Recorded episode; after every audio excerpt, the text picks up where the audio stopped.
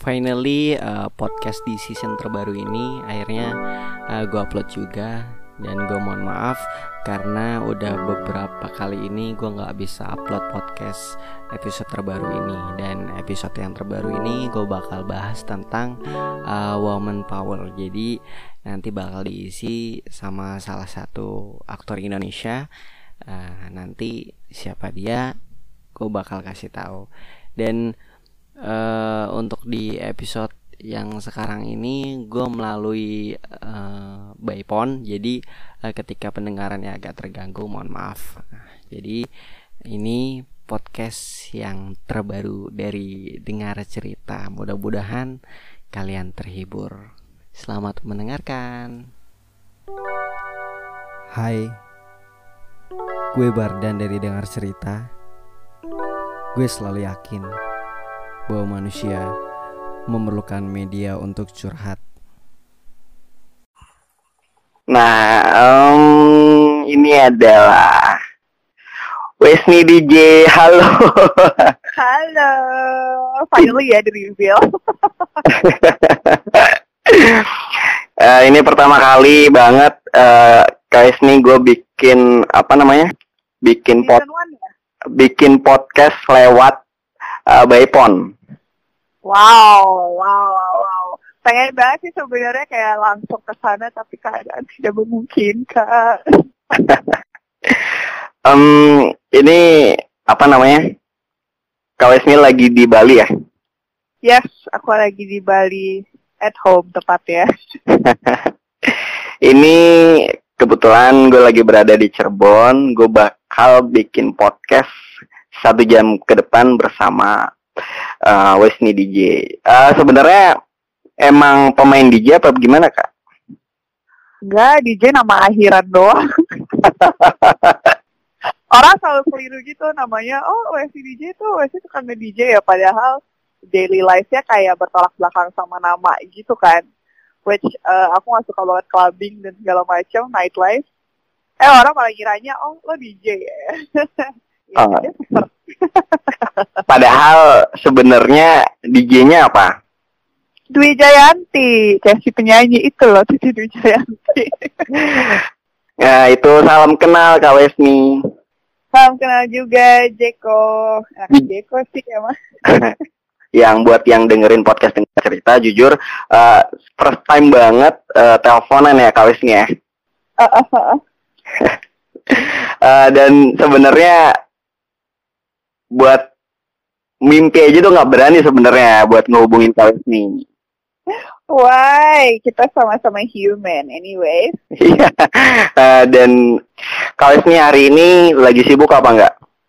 Aku hari ini selalu berkutat dengan tukang, never ending tukang, karena lagi habis renovasi kan di rumah. And honestly it's very tiring karena aku ngejar sebelum si baby buntel bayiku maksudnya. Uh, brojol gitu jadi ngejar banget. Sebelum si baby hamil ada sampai sekarang udah mau lahiran baru mau kelar. Iya uh, itu jujur aja sih gue ngikutin banget itu. Ngikutin banget nah. bebek buntel. Yeah. ini jujur aja jadi kawesnya ini salah satu uh, kenapa kenapa akhirnya gue memberanikan diri buat ngehubungin Kak Wesni karena waktu itu jujur aja sebenarnya ini pembuatan podcast juga ketika kayak ah nggak jadi deh nggak jadi bikin podcast gitu akhirnya gue nonton uh, yakin nikah itu ya astaga oke okay.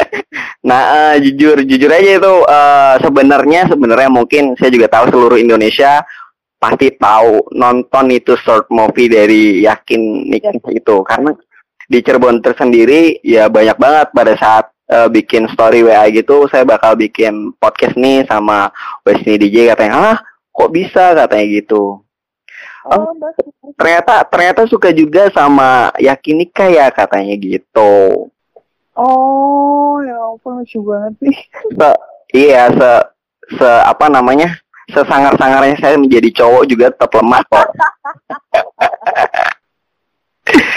Iya iya iya iya. Nah, itu Kak nih. Jadi kita bakal angkat tema daripada uh, oh ya anyway ini bakal jadi season yang pertama dan Kawes ini bakal masuk ke episode ke hmm, sem, uh, 10 atau 9 ya. Karena ini season pertama sih, jadi nanti bakal bertema gitu. Wow, congrats. Ini actually my first podcast juga loh. nah, ini tema yang season pertama ini adalah tentang woman power. Oke, okay. karena kebetulan bentar lagi juga Maret woman power sini. Oh iya, asli. Uh, uh, emang ada apa? Celebration of empower, empowering women gitu di bulan Maret ini. Oh, di di mana itu biasanya?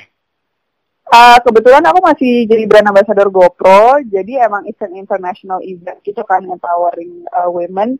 Dan uh, untuk tahun ini GoPro minta aku perwakilan Indonesia untuk merepresentatifkan soal masalah empowering women ini. Ini lucu aja ya temanya jadi agak uh, apa connecting sama podcast kamu. Iya iya. Uh, oh ya sebenarnya gue juga mau nanya nih sebenarnya kenapa kenapa mau gitu loh karena ya ya itu tadi mimpi aja tuh nggak berani jujur aja. Uh, kenapa mau? Uh, jawabannya why not? Karena uh, apa ya aku juga bukan tipe orang yang nggak suka sharing. Jadi if it's sharing for embracing terutama women ya supaya mereka punya mindset yang lebih luas dan positif ya I will be so happy to share it gitu. Ya oke. Okay. um, ini sebelum saya nanya-nanya uh, ini bakal oh ya pertanyaan di IG bakal ditanyain di awal apa di akhir nih enaknya? Uh, di akhir aja kali ya. Enaknya Jeko aja deh. Oke, okay. Kak Wesni DJ. Uh, sebenarnya ini nanti bakal bahas uh, soal yang dulu pernah terjadi uh, sama Kak Wesni nih. Uh. Harusnya sih harusnya tadi brief dulu kan. Sebenarnya setiap bikin podcast gue cerita dulu ke uh, podcastingnya. Jadi kayak misalnya nih saya cerita ke Kak Wesni dulu apa sih yang terjadi sama diri saya pribadi nih gitu. Uh -uh. Cuman tadi sempat udah diceritain waktu itu kan di di uh, eh, WA gitu. Jadi uh, gue yakin KWS ini udah langsung paham sih. Yes, yes, yes. Oke. Okay. Um, yang pertama saya mau nanya sebenarnya menurut KWS ini sendiri apa sih woman power itu? Woman power itu buat aku bukan the strength of how strong we are as women bentuk ada ya tapi dalam bentuk mindset, dalam bentuk uh, kita segi hawa nafsu yang negatif, dan uh, the beauty that comes inside us itu menurut aku empowering. Karena uh, beauty juga nggak only come from your face with a beautiful skin or beautiful skincare that makes your face uh, pretty gitu. Tapi gimana caranya kita juga punya pola pikir uh, yang smart So no matter how pretty you are, buat aku kalau kamu juga nggak smart, I don't think that represents an empowering woman. Karena empowering woman itu harusnya menjadi inspirasi untuk orang-orang dalam bentuk apa ya, yang yang rasa shallow, yang rasa down atau menjadi depresi. Itu adalah uh, orang-orang uh, yang harusnya tergerak untuk membantu para perempuan yang seperti itu gitu. So so empowering yourself is really important terutama bagi para wanita ya buat aku kayak gitu. Nah itu pernah nggak ngerasain kalau misalkan kawesnya itu berada di posisi tersebut? Uh, ada di posisi tersebut dalam arti apa nih? Jadi the victim atau jadi the woman who wants to empower or inspiring? The woman power dong Uh, kalau menurut aku, aku be, aku belum nyampe di titik yang super empowering ya, karena aku masih banyak belajar, terutama dari every mistake that I made in my life, every experience that I have in my life gitu. Karena uh, jujur untuk nyampe tingkat empowering woman itu, menurut aku kita harus ada rasa failnya dulu sebagai perempuan. Mm. Nah, rasa fear itu buat aku it's about gimana cara apa yang kita alami itu bagaimana cara kita tanggapinnya gitu. Jadi uh, I used to be bullied. Kalau kalian pernah lihat YouTube aku, mungkin orang mikir kayak, oh Wesley uh, di mata halayak gitu, she's a beautiful and happy woman all the time. Not really. Sebenarnya masa hidup aku juga banyak pembulian yang yang nggak enak juga gitu. Tapi uh, itu membuat aku turn around to have the fact that segala kritikan dari orang itu seharusnya bisa jadi motivasi buat kita bisa jadi a better person itu sih. Iya, iya. Jadi I'm still learning how to empower myself gitu. Karena uh, I think learning itu nggak pernah ada limitnya. Iya, gue setuju banget sih setuju. Ya pasti setuju ya karena nah anyway soal yang tadi eh, kasus bullying.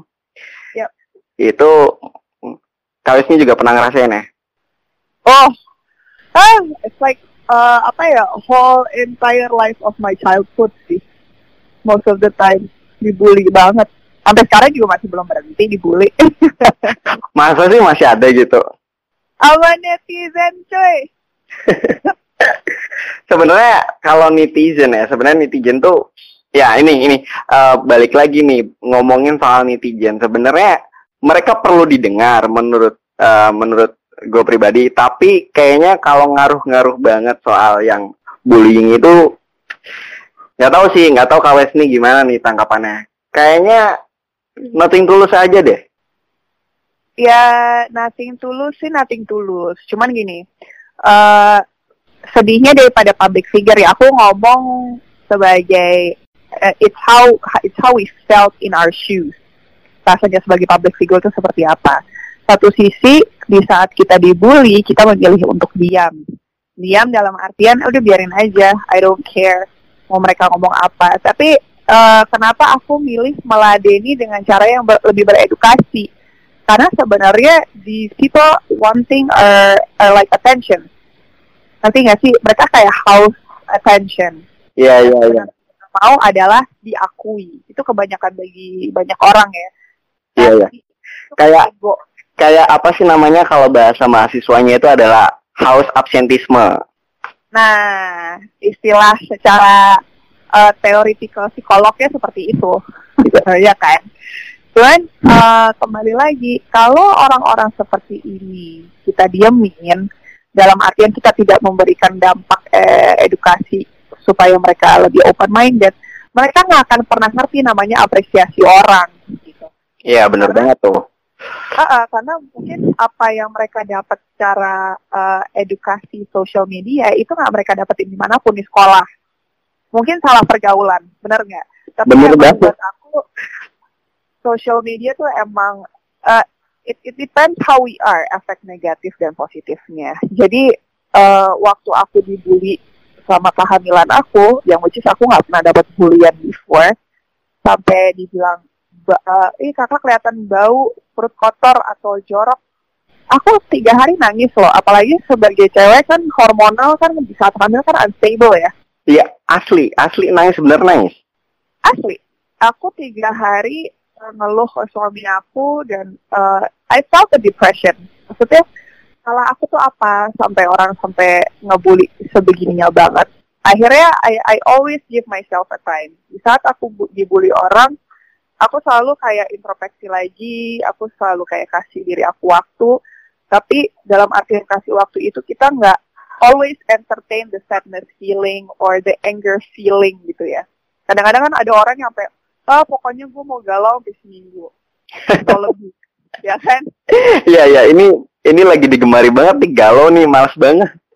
Heeh, kayak bodo amat gue mau depresi gue harus ke psikiater dan segala macam lalala tapi sebenarnya who can help us is actually ourselves Iya Jadi iya. secara, secara psikolog eh, kita pun juga harus punya mindset yang oke lo mau kasih diri lo waktu dibully eh, dan sedih itu berapa lama?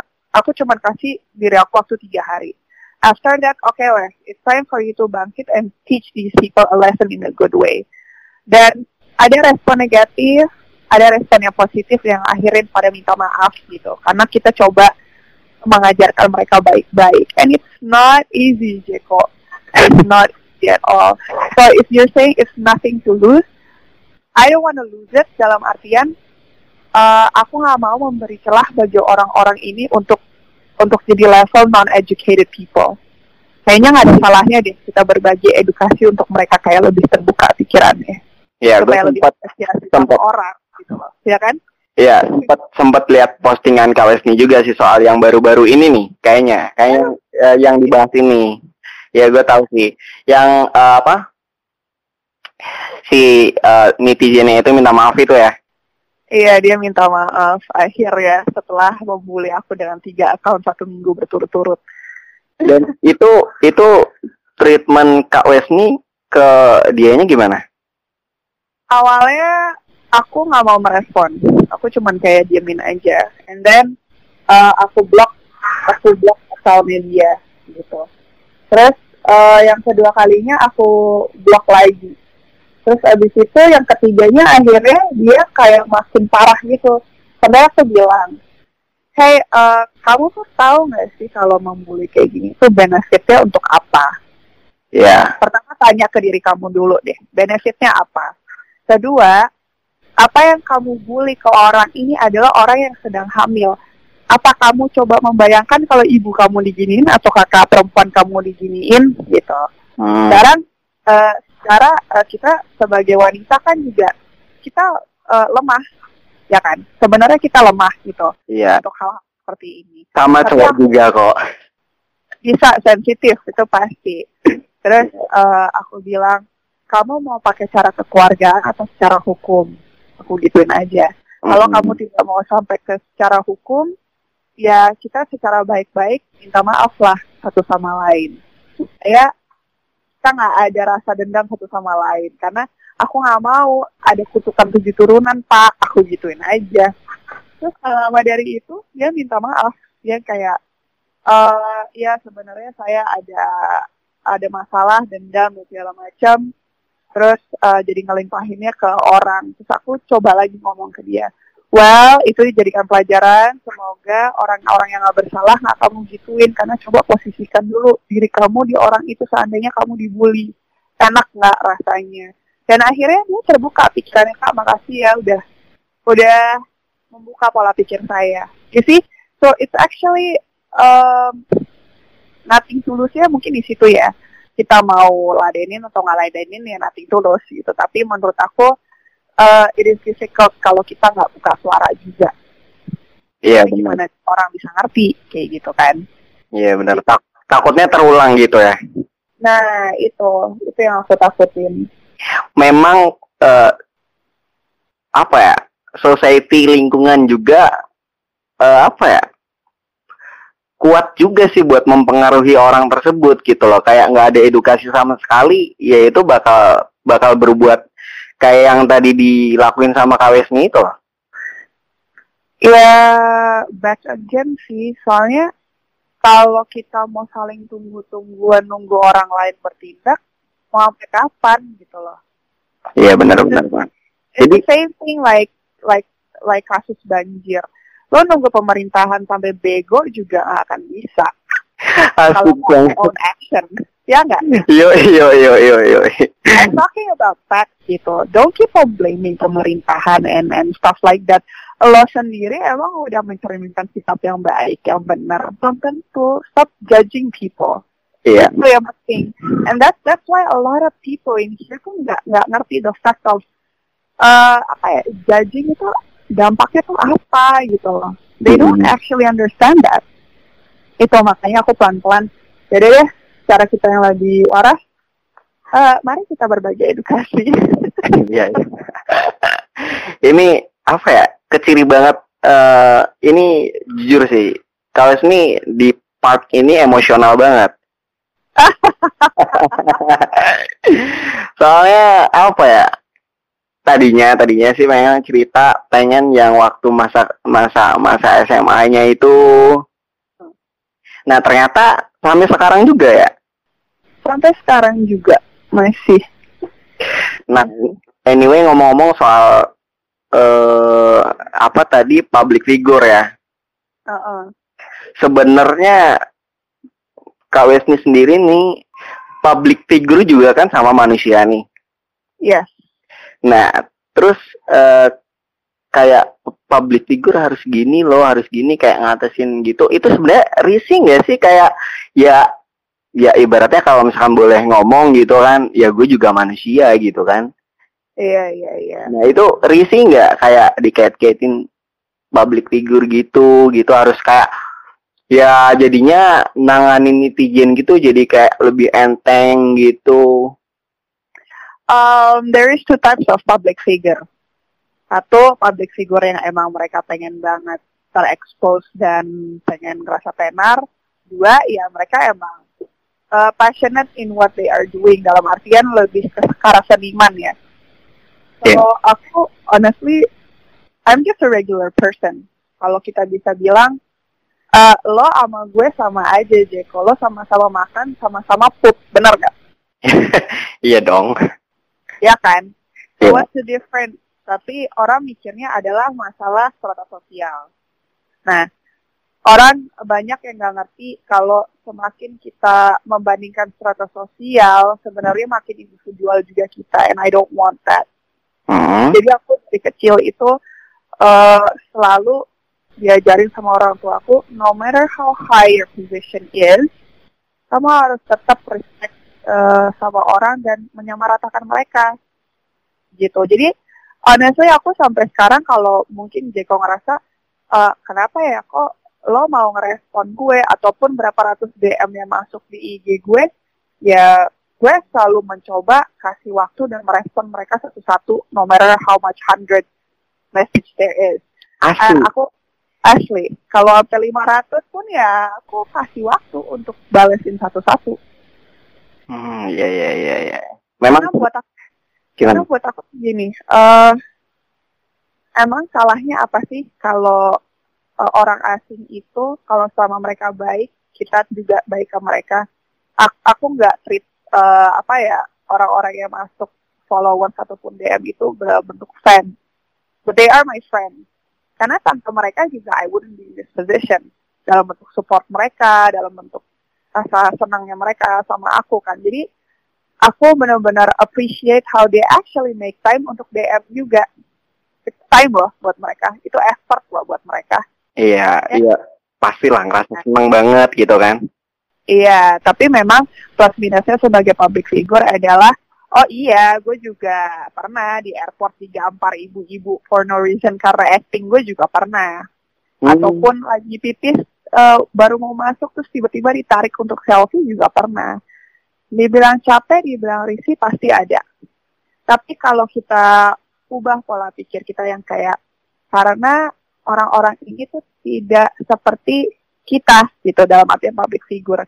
Mereka tidak paham. Jadi kita yang lebih paham tuh harus bisa sabar.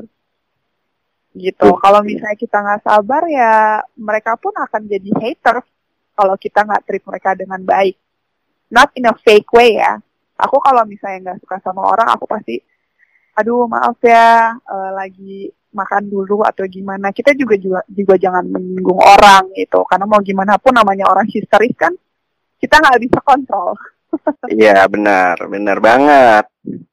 Ya pasti eh, kayak sakit hati sih ada gitu ya. Iya.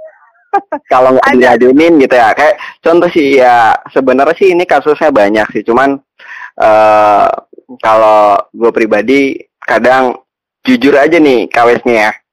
Uh, eh runtutannya itu sebenarnya kayak aku kan sering banget nonton filmnya Kawes Nini yang Yakin Nikah itu. Iya.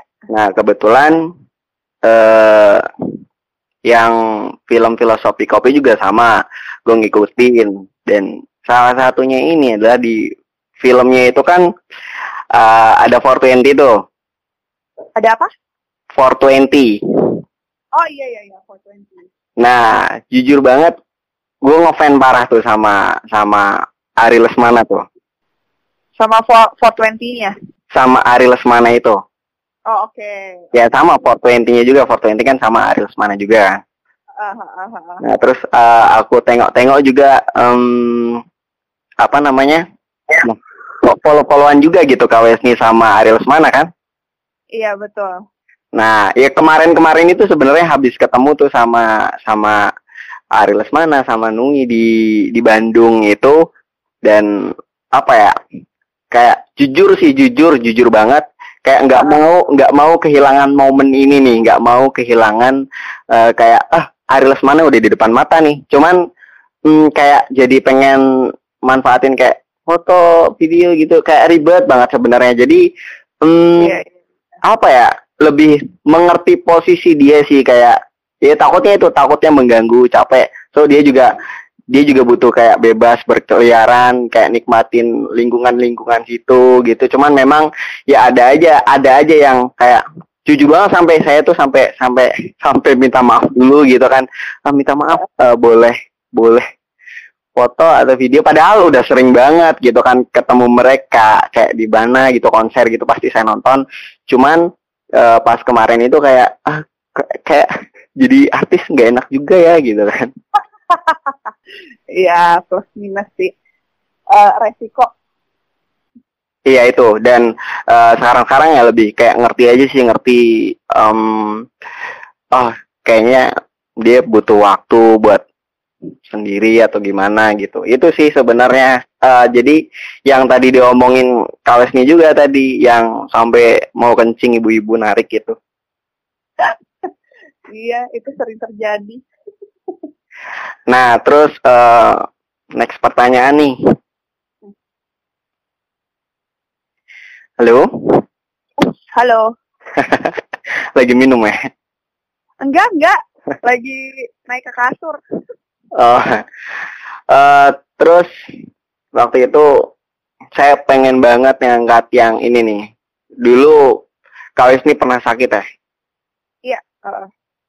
nah itu gimana? Bisa diceritakan bisa diceritain kah? Um, waktu sakit itu kan aku pertama kali pertama kali itu tumor payudara ya? Iya. yeah. Tumor payudara uh, dari umur 12 tahun. 12 tahun? 12 tahun dan in total aku udah tiga kali operasi waktu itu. Um, kalau tumor payudara itu it is one of the hardest moment di hidup aku karena namanya apa ya mahkota perempuan. Di jahit lah, dioperasi lah dan segala macam pasti ada rasa insecure-nya. Udah ada rasa insecure, lingkungan juga membuli. Nah di situ kan uh, down-downnya banget ya. Itu uh, bentar sorry sorry sorry itu kan uh, apa namanya? Tadi yang rasa insecure gitu ya. Terus lingkungan juga membuli juga kayak kayak gitu-gitu. Uh -uh. termasuk waktu itu ada salah satu guru aku kan waktu itu kan lagi nggak bisa pakai pakaian dalam ya. Yeah. Terus guru itu memang kebetulan nggak tahu aku habis operasi dan memang ada apa darah rembesan terus gitu. Oh darah ya? Uh, uh, darah uh, biasanya kan kalau habis operasi kan ada drainnya itu kan untuk keluarin darah kotor ya. Nah ini si guru mungkin dari tampak depan ngelihat transparansinya kali ya. Yeah. Transparansi karena aku pakai baju seragam terus kelihatan.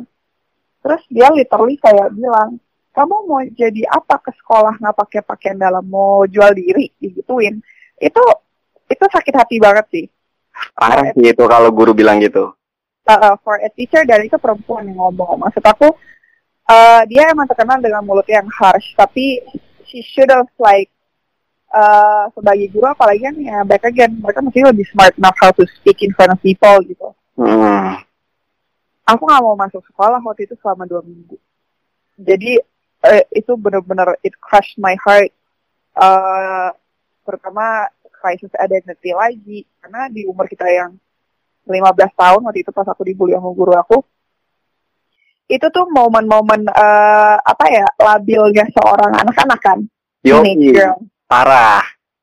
Maupun laki-laki gitu. Jadi itu jadi kena crisis identity terus uh, depression dan kebetulan waktu itu orang tua juga ada di Korea penempatan dan aku cuma sendiri sama kakakku so there was no one nobody that I can I can apa ya uh, bisa cerita gitu Hmm, ya. Sampai akhirnya eh, aku nggak mau ngomong sama orang sama satu bulan, aku nggak mau berinteraksi sama orang, I was just staying at home.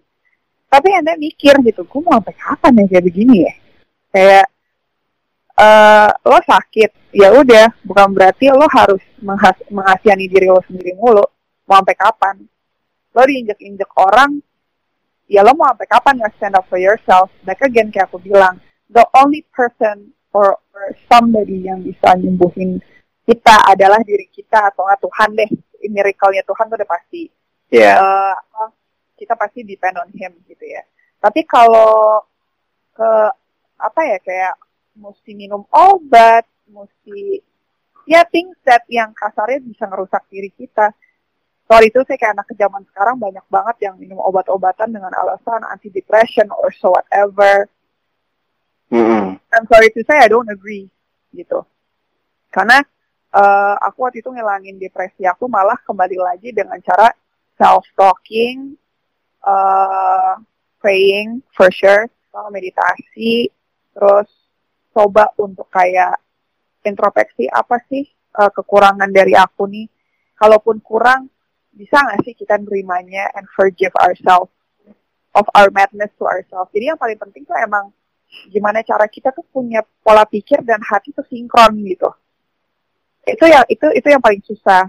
Nah, mulai dari situ aku cobalah ketemu sama orang-orang yang uh, lebih positif lagi, terus jadi uh, mereka juga apresiasi kita dan itu kan ngebagi semangat kan. Mulai dari situ pergaulan tuh paling efektif. Jadi aku coba menghindari pergaulan-pergaulan yang nggak benar, like I don't care when all my friends pada partying or stuff, tapi aku lebih prefer yang kayak I'll just stay at home and Netflix and chill, ibarat kata kayak gitu. Or maybe ke rumah teman terus kita ngobrol atau brainstorming dengan hal-hal yang lebih berfaedah deh, gitu. Iya. Jadi emang pintar-pintarnya kita untuk eh, kalau kita sudah jatuh, jangan kita jatuhin diri lagi dengan cara yang sebenarnya eh, di depan mata kalau ada pergaulan yang nggak bener, lo kejerumus. Iya. I don't think I don't think that's the best reason gitu. Orang kalau dengan alasan broken home, uh, alasan gue uh, gue crisis identity segala macam, ya perbaiki dong. Iya. Itu bukan alasan buat kita untuk jadi makin drop sama diri kita sendiri dan akhirnya lo gak mau move on positive with your life. Lo Benar. harus lo harus punya pikiran kayak, hey, kita masih umur 15 tahun, there's still so long that we need to achieve. Jadilah orang yang sesuatu untuk orang. Jadilah orang yang eh, termotivasi untuk bagus di mata orang gitu loh. Gue mendingan bikin orang ngiri karena gue happy ketimbang orang ngiri karena gue kaya. Ngerti gak sih? Oh ngerti, ngerti banget nih yang ini. Gue setuju. Gitu permasalahannya. Jadi, ya, eh, nggak semua orang punya pikiran kayak gitu, tapi menurut aku untuk mencapai pola pikir yang seperti itu emang harus ada struggle ya dulu sih. Iya. Em, tapi waktu itu sempat hopeless juga ya. Sempat, sempat hopeless, sempat hopeless banget. Aku sempat yang kayak I don't wanna live anymore, sempat. Terus Hmm. eh, orang tua juga nyuruh aku ngajak ke psikiater. Itu juga sempat. And then pas aku coba ngobrol dengan orang yang psikolog gitu ya. eh, mungkin ada orang yang eh, apa ya? Ada orang yang terbantu. Tapi terbantunya menurut aku it's the same thing like you are talking to God or it's the same thing that you are talking to yourself. Bedanya adalah lo berani untuk membuka diri atau tidak gitu. Ka- Karena buat buat aku untuk untuk kita punya orang kepercayaan itu memang sulit. Itu Hmm. sulit banget. Ah, itu sulit banget. Dan psikolog itu kan mahal ya, Bo. Iya. Iya, cuma ngobrol-ngobrol doang gitu ya. Ngobrol dan lo dikasih obat. Obatnya bikin lo makin lemah. Kalau lo nggak minum obat itu, eh, lo makin depresi. Jadi dari awal mereka nawarin dalam bentuk obat, I never wanted. I never wanted. Sampai akhirnya, lo ngapain minum obat kayak begini? Gue udah penyakitan, kasarnya, tumor. Terus gue mau rusak badan lagi dengan obat-obat yang kayak gini, rusak otak gue. Yang bikin ibarat kata, apa tuh bahasa anak sekarang, halu halu ya halu. Oh ya, halu ya. dari kata halu mau jangan, ngapain coba? jangan meng- mencirikan anak zaman dulu dong. oh kalau anak sekarang ngomongnya halu gitu kan Iya. jadi aku aku di situ aku mikir aku eh, satu bulan full waktu itu aku coba treat myself dengan cara doing happy stuff eh, meditating something that makes me positive lebih banyak berhubungan dengan alam eh, lebih banyak eh, interaksi dengan orang-orang yang positif kayak gitu-gitu for me kalau kan kalau pada punya rasa depresi ya silahkan ke psikiater kalau emang kuat biayanya kalau waktu itu sih gue zamannya nggak kuat biayanya, jadi gue sakit apa aja, jalanin hidup gue sendiri. Terus coba untuk bikin diri waras aja gitu loh. Ya maybe it's not it's not a, exactly a good idea, tapi sebenarnya every people uh, ada limit yang bikin mereka untuk waras. Ngerti nggak sih? Iya iya. Kalau udah keadaan kepepet pasti lo, lo ngapain kayak begini? Lo harus bikin diri lo waras. Jangan di entertain itu yang paling penting. Never entertain your sadness feeling. Iya. The more you entertain, the more those Satan will like just eat you up kayak gitu.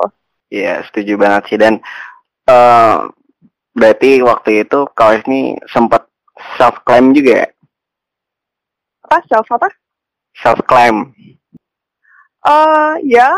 Uh, I discriminate myself. I hated myself. I blame myself. Dan itu pasti uh, banyak orang yang mengalaminya juga. Tapi kayak aku bilang, kasih waktu untuk diri kamu sendiri. Waktu itu penting soalnya. Kalau kamu nggak membatasi diri dalam bentuk waktu, lo babas kayak gila. Kasarnya kayak gitu. Iya. Jujur jujur jujur aja waktu waktu masa-masa sakit gue juga sempet kayak eh apa namanya? Jadi sakit tapi nggak memar nggak apa tapi memang sakit kerasa gitu loh kak. Ya, ya. dan apa ya ya sempat kayak sampai manajer juga manggil gitu kan kamu tuh sebenarnya nggak sakit kalau kayak gitu katanya gitu kamu tuh depresi katanya Hah? Main diagnosa diagnosa aja kan manajer itu ya manajernya sekarang lagi di Bali sekarang Oh gitu, oke. Ah, dan dan itu pulang kan dari kantor ke rumah gitu sempat mikir di jalan itu kayak wah kayaknya bakal meninggal sia-sia gitu kan Ya, Terus- kalau kita terusin, kalau Oh. kita entertain. Heeh, makanya terus akhirnya kayak wah ini bingung nih. Kamu kalau misalkan nggak nggak apa? Kalau nggak keciri sama sekali penyakitnya nggak ketemu, kamu harus di MRI katanya. MRI itu biayanya sekitar ratusan juta. Ah gila parah. Udah udah udah kayaknya bakal meninggal sia-sia nih katanya gitu. Ya, mindset sih, karena aku sakit juga nggak cuma tumor payudara, waktu itu kena toksoplasma. Toksoplasma juga eh, apa ya penyakit yang mematikan juga sebenarnya kalau banyak orang yang nggak tahu. I love cat eh, apa hewan-hewan kan. Iya iya. iya. Nah, itu kan virus yang sebenarnya kalau di immune system eh, wajarnya orang itu cuma di angka 500. Everybody has toxoplasma, mungkin enggak. Tapi eh, daya deteksinya itu kecil. Aku waktu itu kebetulan di angka 13.000 sampai rahim aku semuanya telurnya mati dan aku Hmm. dibilang nggak bisa punya anak. Oh, It's crazy. It's crazy karena aku ngerasa kayak what the f is wrong with my life? Gue udah kena tumor, gue dibully orang, terus sekarang toxoplasma gue nggak bisa hamil, kayak why? Gitu lah. iya iya.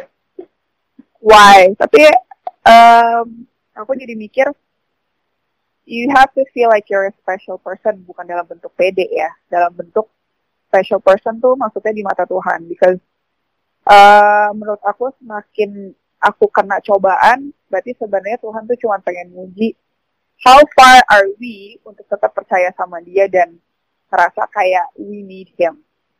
Lo jangan di saat susah aja lo berdoa kasarnya kayak gitu. Justru di saat lo happy banget lo juga harus berdoa kayak say say say, say thank you like a small thing. Lo bisa napas lo nggak beli oksigen harga dua ratus ribu per tabung atau apa ya nggak sih? Iya benar.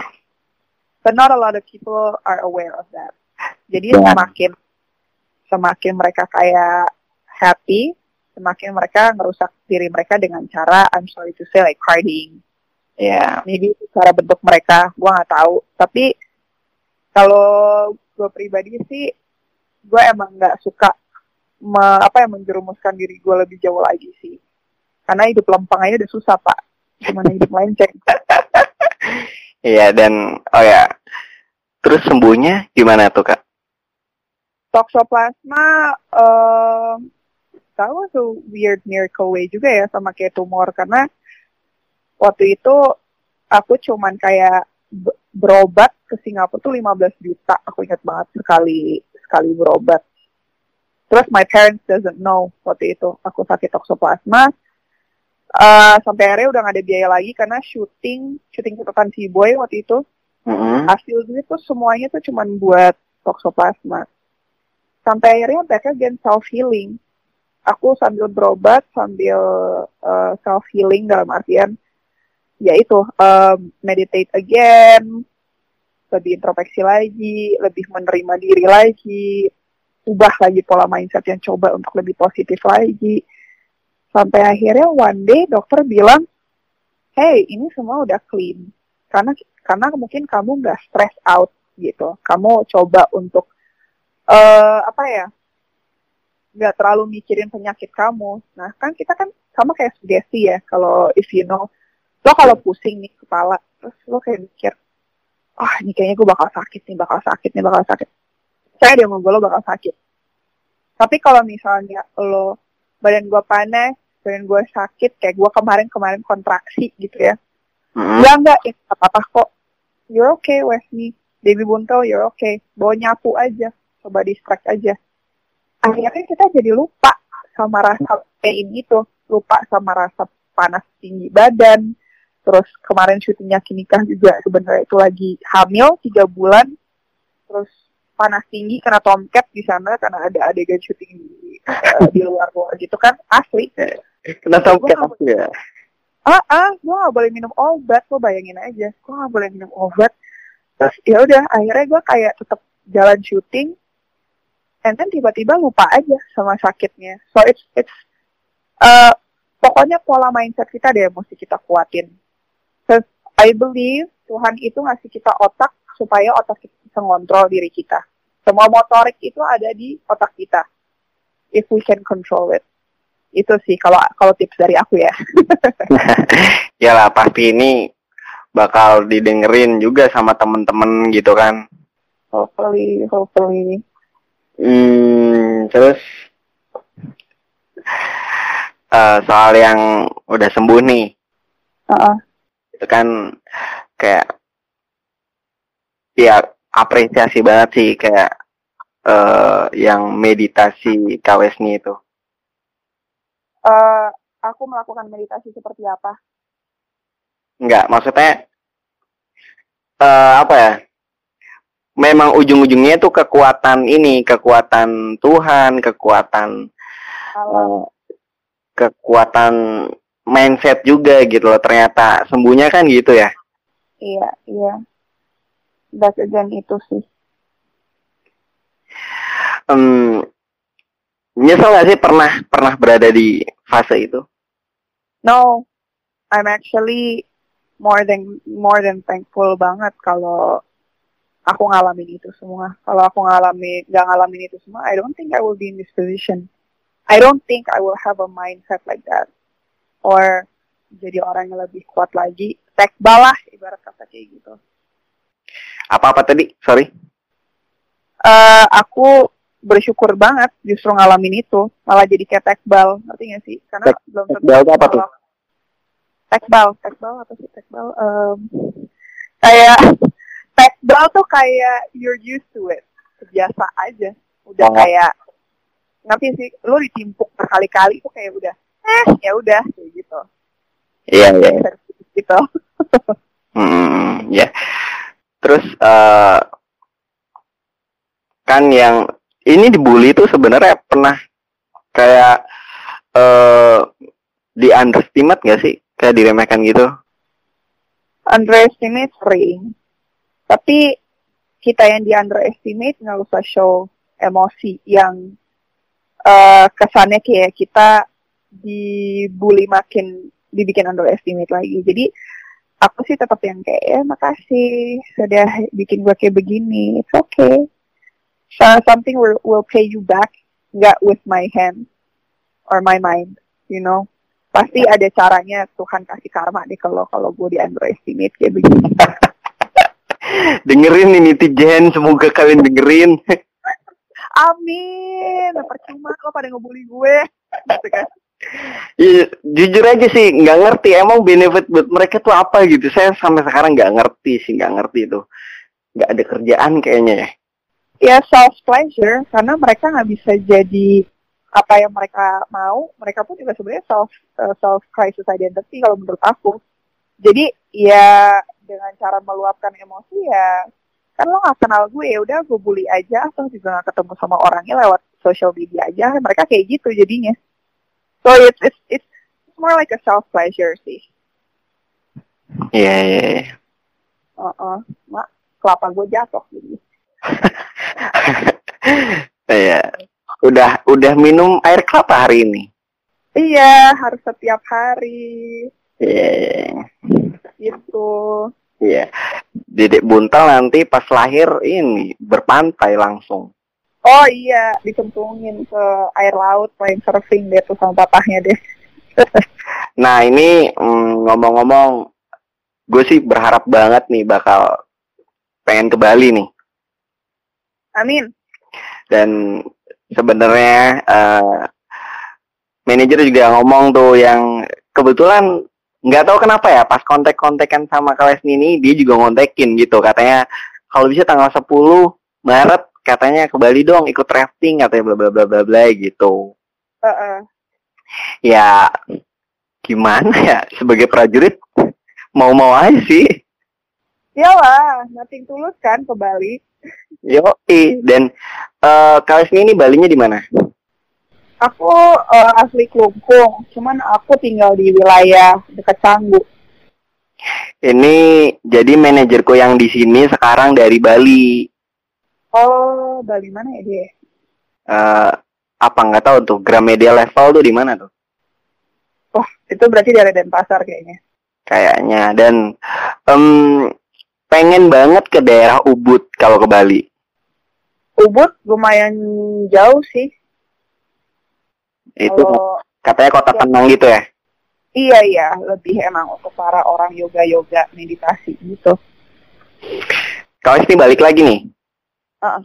Nah, terus uh, udah udah gitu tuh ngalamin fase-fase itu. Terus uh, percaya diri gak sih?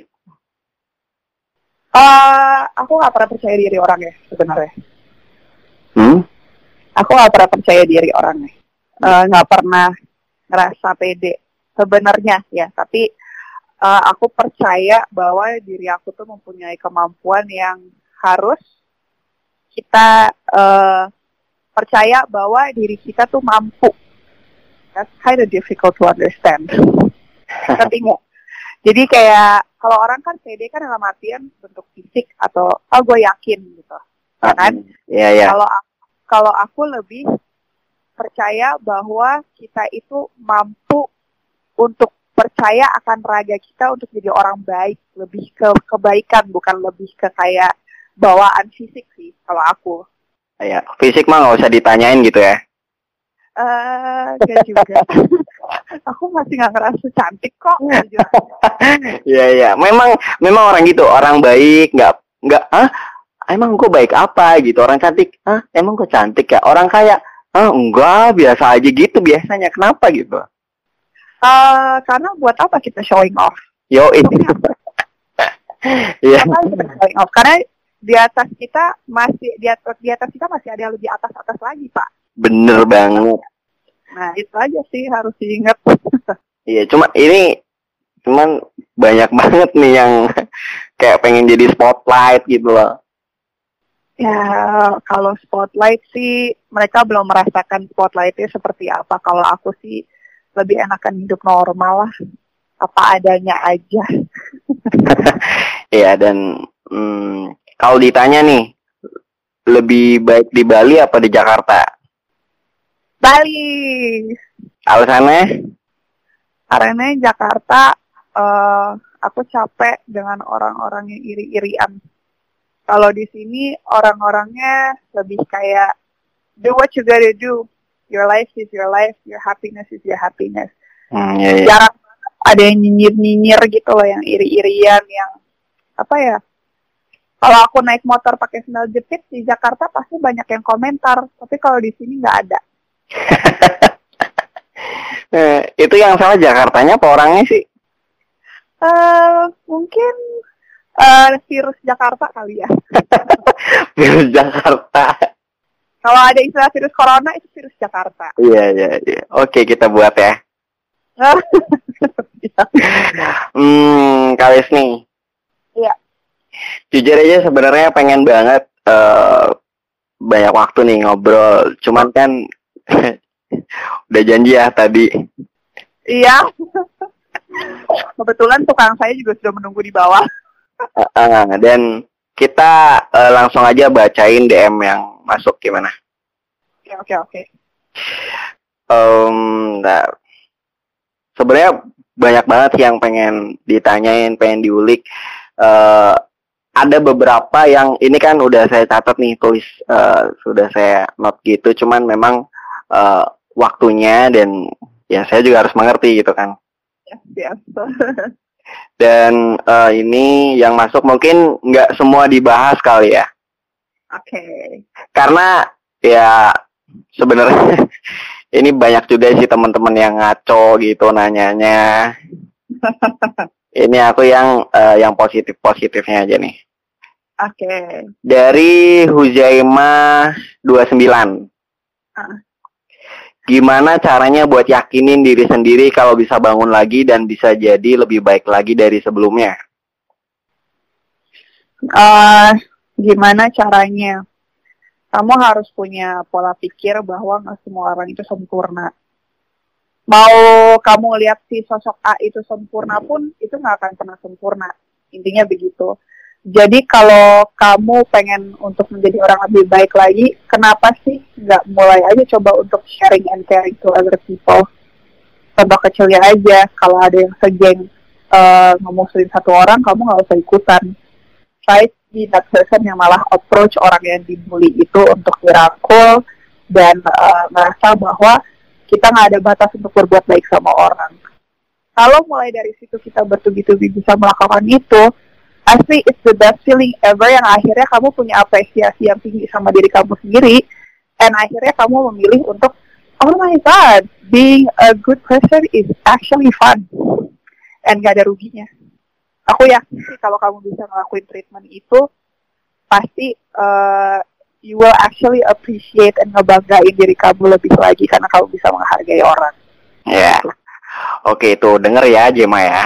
Next. Em, dari Ledias. Oke, How you can find your soulmate dalam kurung husband.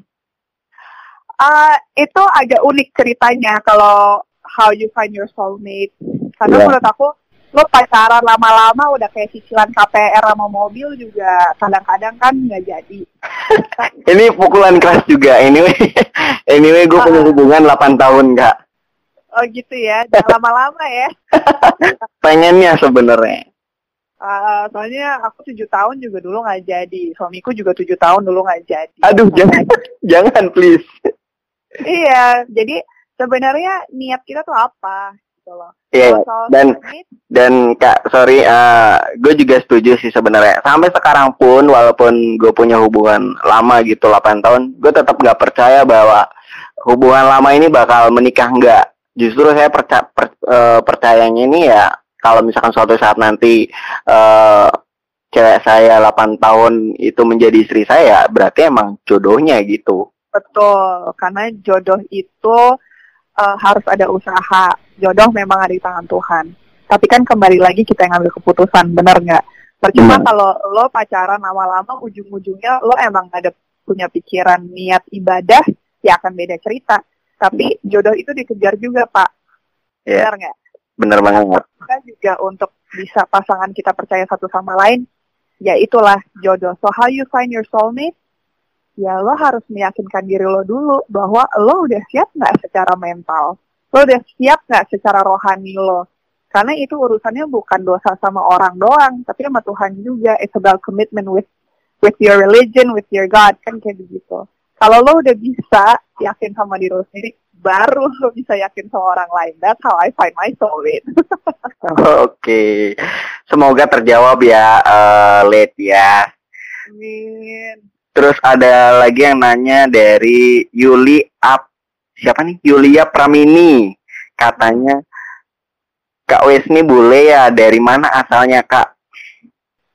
Uh, bule, dibilang bule sih nggak mungkin karena dari nenek moyang aku kali ya. Uh, banyak papa aku tuh banyak campurannya juga secara keluarga dari nenek moyang. Sama kayak suami aku, suamiku akan Belanda, Ambon, Bali gitu kan. Di keluarga dia beda sendiri. Aku juga di keluarga beda sendiri. Jadi uh, kayaknya dapat hoki dari nenek moyang deh kalau bule. ya emang kadang jodoh gitu ya.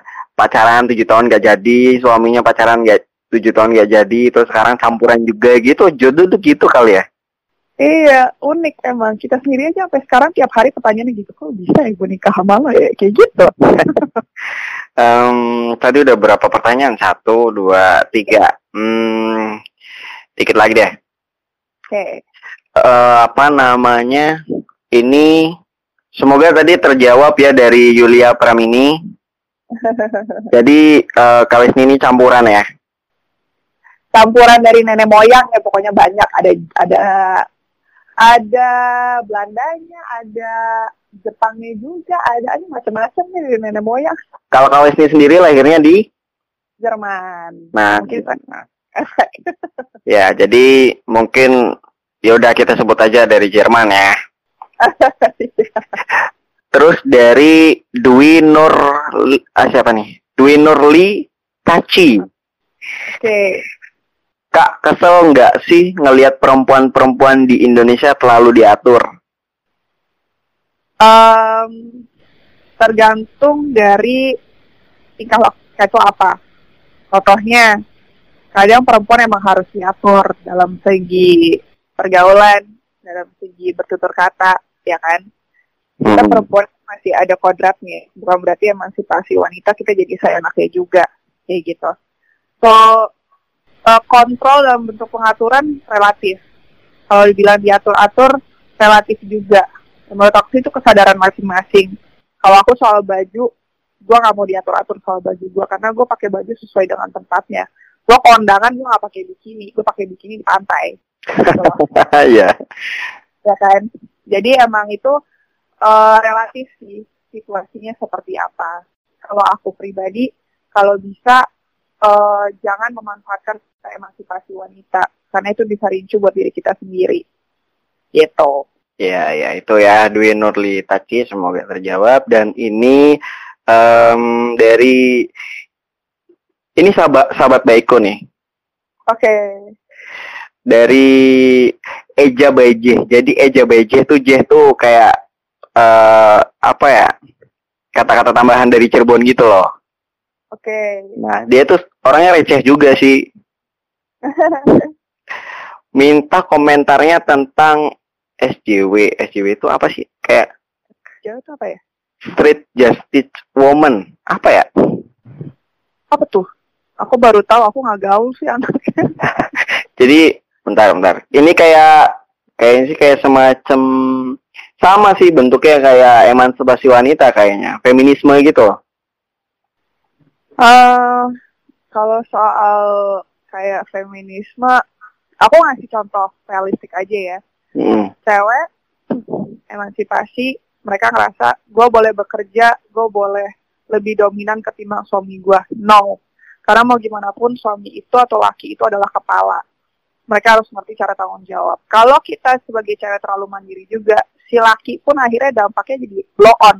Blow on dalam arti gue nggak tahu kapasitas gue sebagai laki gue harus ngapain. Akhirnya apa apa dikerjain sama wanita. Karena apa? Wanita itu multitasking.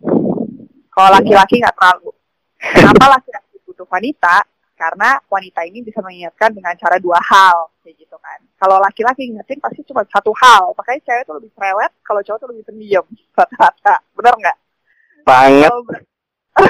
Kalau berantem cewek lebih cuap-cuap. Terus ngomongnya ke A B C D F G. Kalau laki-laki kan satu hal aja begitu kan. Nah itulahnya misconcept of emansipasi wanita zaman sekarang itu adalah wanita terlalu berani akhirnya mereka nggak menghormati peran laki. Dan itu akhirnya terbalik.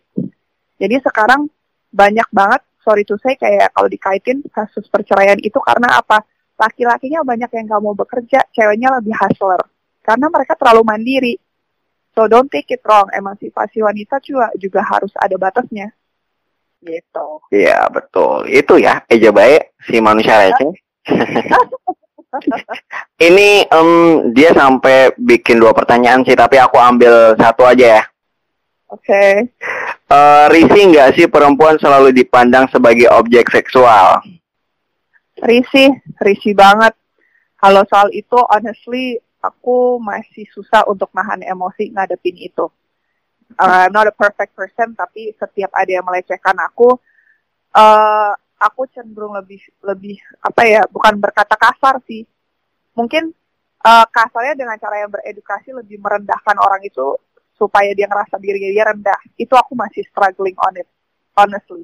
Karena I don't think siapa pun di dunia ini kalau dihina dengan secara seksual mereka akan oh iya nggak apa-apa terima kasih. Itu bullshit banget deh. Terutama about sexual matters ya. Yeah. itu aku belajar banget sih. So for those women yang rasa sexually harassed by by by a man aku bil aku bukan yang nggak mendukung tapi uh, kalau untuk safety yemin tapi kalau emang kamu ngerasa terlalu risih you have the right untuk bersuara. Itu menurut aku Oke, itu ya at underscore win dp. Uh, dia ngajuin dua pertanyaan, cuman sorry ya, cuma bisa satu. Terus uh, siapa lagi nih? Rizky Ulvia HL. Oke. Okay. Seseorang perempuan ingin tetap kerja, namun jika suami melarang kerja, apa yang harus kita lakukan? Um, aku ngomong realistik. Kalau lakinya kaya banget, itu beda cerita. Mendingan si istri jagain anak kalau aku. Tapi uh, dalam arti jagain anak kita juga tetap harus punya usaha. Jangan bergantung sama suami banget gitu. Karena kenapa?